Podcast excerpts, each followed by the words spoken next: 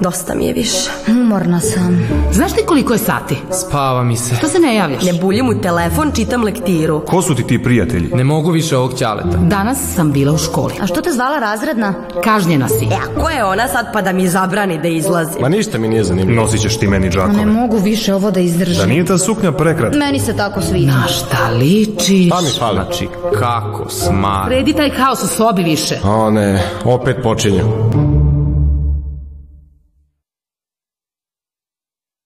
Zdravo, zdravo.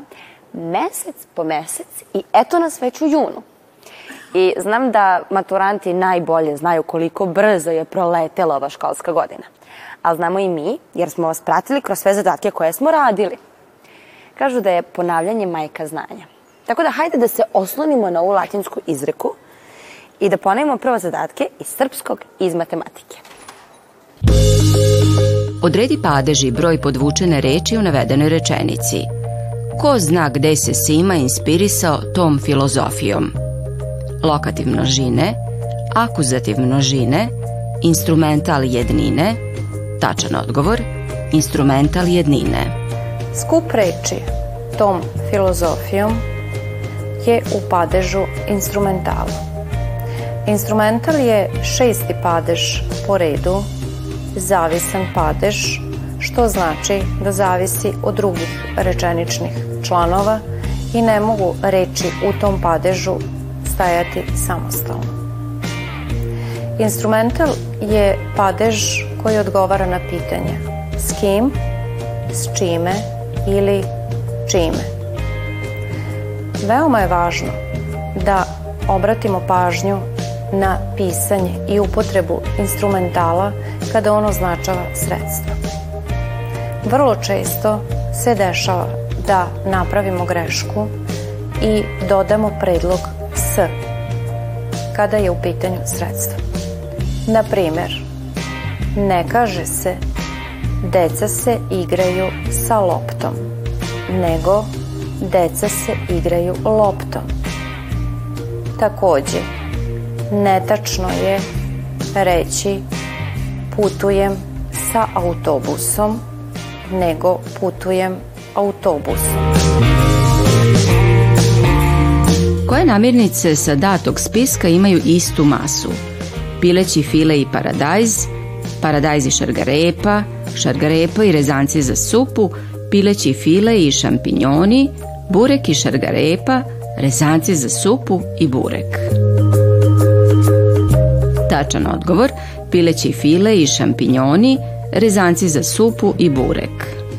Da bismo mogli da upoređujemo mase namirnica, moramo da ih prevedemo e, na isti decimalni zapis. 1 kg je jednak 100 grama, pa važi. Pileći file, jedna četvrtina kilograma je jednaka 250 grama. Paradajz, 1,5 kg je jednako 1500 grama. Šampinjoni e, iznose 250 grama. Rezanci za supu 125 grama. Šargarepa 1,25 kg je jednako 1250 grama. Burek, jedna osmina kilograma je jednako 125 grama. Sad možemo da uporedimo mase datih namirnica i vidimo da je masa pilećeg filea 250 grama i šampinjona takođe 250 grama, dakle mase pilećeg filea i šampinjona su jednake. I masa rezanaca za supu je 125 grama, bureka takođe 125 grama, dakle rezanci za supu i burek imaju istu masu. Dobro, sad već svi znamo da umesto kombinovanog ispita polažete jedan izborni predmet. Najviše vas se odlučilo za biologiju, a najmanje za fiziku i hemiju. I mi jesmo tokom cijele godine ponavljali zadatke iz svih tih predmeta, ali hajde da još proverimo jednom da vidimo gde ste. U kom veku su vladale navedene istorijske ličnosti? Car Justinijan, Mihajlo Obrenović, George Washington, Mihajl Gorbačov, Aleksandar Veliki. Tačan odgovor, car Justinijan 6. vek, Mihajlo Obrenović 19. vek, George Washington 18. vek, Mihajl Gorbačov 20. vek, Aleksandar Veliki 4. vek pre naše ere. Najveći vizantijski vladar svih vremena, car Justinijan, vladao je u šestom veku. Za vreme vladavine cara Justinijana Vizantijsko carstvo je dostiglo vrhunac svoje moći, vrhunac svog širenja. A Da ništa drugo nije uradio, car Justinijan bi zaslužio da ga se sećamo i da ga spomenjamo po tome što je izgradio crkvu Sveta Sofija u Carigradu, to je danas džamija Aja Sofija, koja je vekovima bila najveća, ne samo hrišćanska crkva, nego uopšte najveća bogomolja bilo koje religije bilo gde u svetu. Mlađi sin Miloša Obrenovića, Mihajlo Obrenović, e, je bio srpski knez u dva navrata, prvi put od 1838. do 42. i drugi put od 1860. do 1868. Zaslužan je za mnogo toga, zaslužan je za definitivan odlazak turske vojske iz Srbije, za početak izgradnje i preuređenja Beograda. Po njegovom naređenju sagrađena je Knez Mihajlova ulica, počela je izgradnja zgrade Narodnog pozorišta. Bio je pristalica Vukove jezičke reforme, za vreme njegove vladavine konačno je u Srbiji prihvaćen narodni jezik i Vukova azbuka, ali je nažalost je prvi naš vladar koji je svoj život završio tako što je ubijen u atentatu, tako da znači tačan odgovor na pitanje vezano za Mihajlo Obrenovića je 19. vek. Najpoznatiji vođa američke borbe za nezavisnost u 18. veku bio je George Washington, u stvari pravim imenom Georg Washington. George Washington je poreklom Nemac i mnogo tečnije i mnogo lepše govorio nemački jezik nego engleski.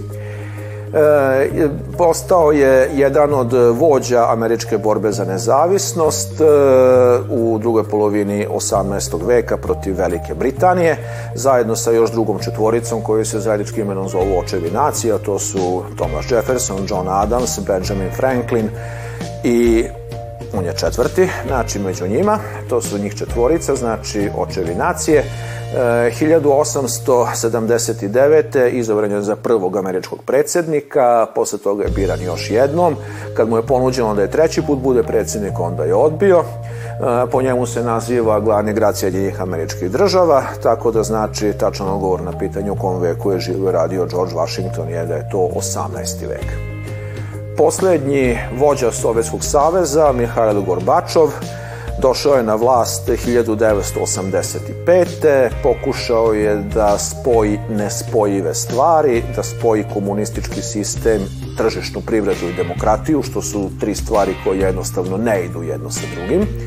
Iako je imao lepe želje i lepe namere, pokrenuo je lavinu događaja koji su mu se oteli kontroli i zbog kojih je na kraju ne samo izgubio vlast, nego izgubio i državu kojom je vladao.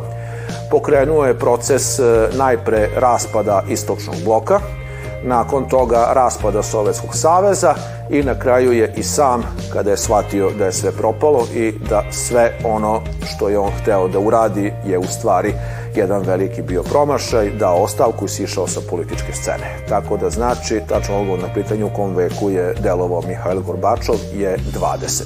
vek. Jedan od najvećih vojskovođa u istoriji, Aleksandar Veliki ili Aleksandar Makedonski. Živeo je i sve što je uradio, uradio je u samo 31. godini koliko mu je bilo suđeno da živi u četvrtom veku pre nove ere. Došao je na vlast 338. godine pre nove ere, nakon smrti njegovog oca Filipa II. Filip II. je bio kralj Makedonaca. Makedonci su bili grčko pleme, koje je iskoristilo slabost Grčke nakon Peloponeskog rata da proširi svoju vlast na čitavu Grčku.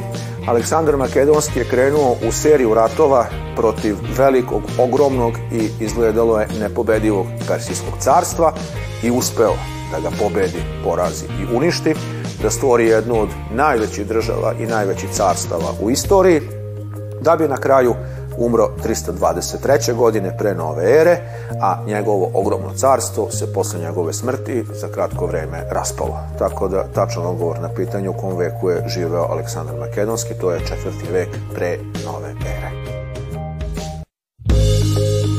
Za uklanjanje masne mrlje sa neke tkanine najbolje je upotrebiti tečnu smešu alkana, vodeni rastvor sirćetne kiseline, koncentrovanu sumpornu kiselinu, 70% rastvor etanola. Tačan odgovor, tečnu smešu alkana. Na samom početku neophodno je ponovimo šta je rastvorljivost. Ako se prisetimo što smo učili u hemiji, slično se u sličnom rastvara. Odnosno, nepolarne substance se rastvaraju nepolarnim rastvaračima, dok se polarne substance rastvaraju u polarnim rastvaračima. U ovom zadatku je napomenuto da je u pitanju masna mrlja. Znamo da su masti, odnosno ulja, nepolarnog karaktera, znači da će se one rastvarati u nepolarnim rastvaračima. U ovde je od ponuđenih odgovora date smeša tečnih alkana, a znamo da su alkani nepolarne jedinjenja. Ostale ponuđeni odgovori predstavljaju polarne rastvarače, tako da se masna mrlja neće ukloniti pomoć ovih rastvarača. Zašto postoje sličnosti u biljnom svetu Afrike i Južne Amerike, iako su teritorijalno odvojene Atlantskim okeanom? Tačan odgovor, u prošlosti su bile deo jednog kontinenta, Pangeje ili Gondvane. Nekada davno su svi kontinenti bili spojeni u jednom.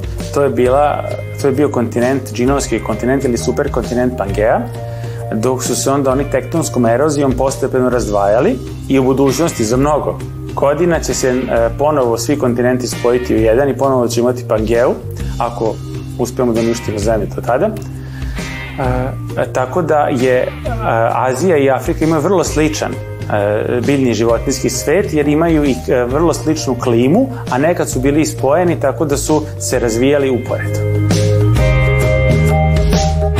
Padobranac pada sa otvorenim padobranom. On se kreće stalnom brzinom zbog ravnoteže dve sile suprotnih smerova. Koje su to dve sile? Tačan odgovor, gravitaciona sila ili zemljena teža i sila otpora vazduha ili otpor sredine. Da bi se telo kretalo ravnomernom brzinom, rezultujuća sila mora biti nula. Vi jako dobro znate po drugom Newtonovom zakonu da je sila jednaka proizvodu mase i ubrzanja. Dakle, ukoliko je sila jednaka nuli, ubrzanje će biti jednako nuli. Masa nam naravno nije jednaka nuli. Tako, da bi telo padalo konstantnom brzinom, vi morate imati uravnotežene sve sile.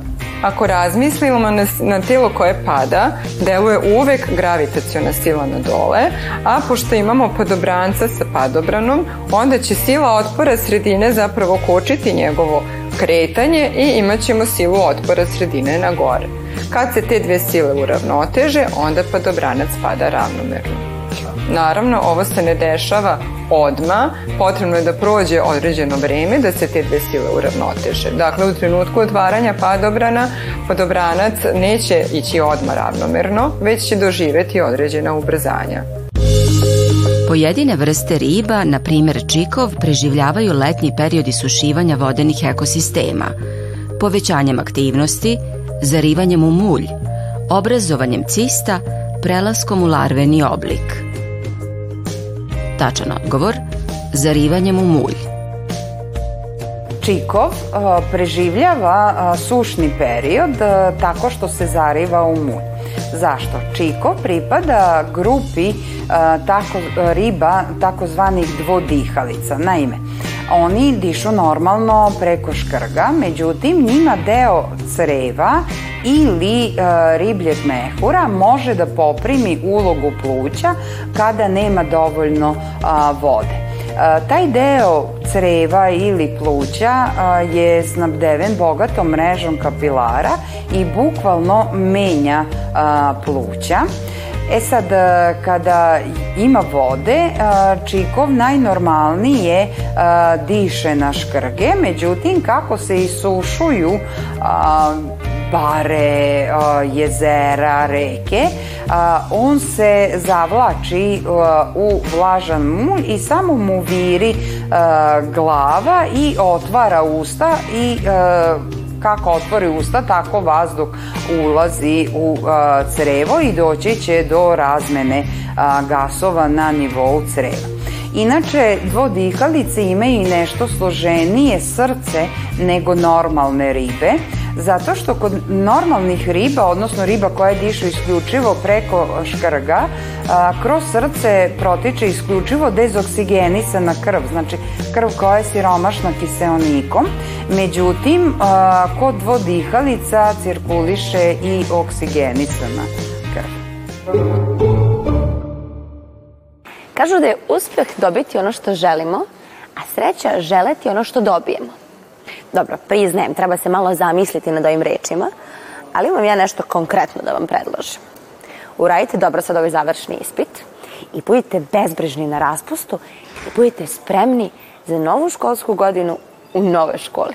A do sledeće nove emisije vidimo se.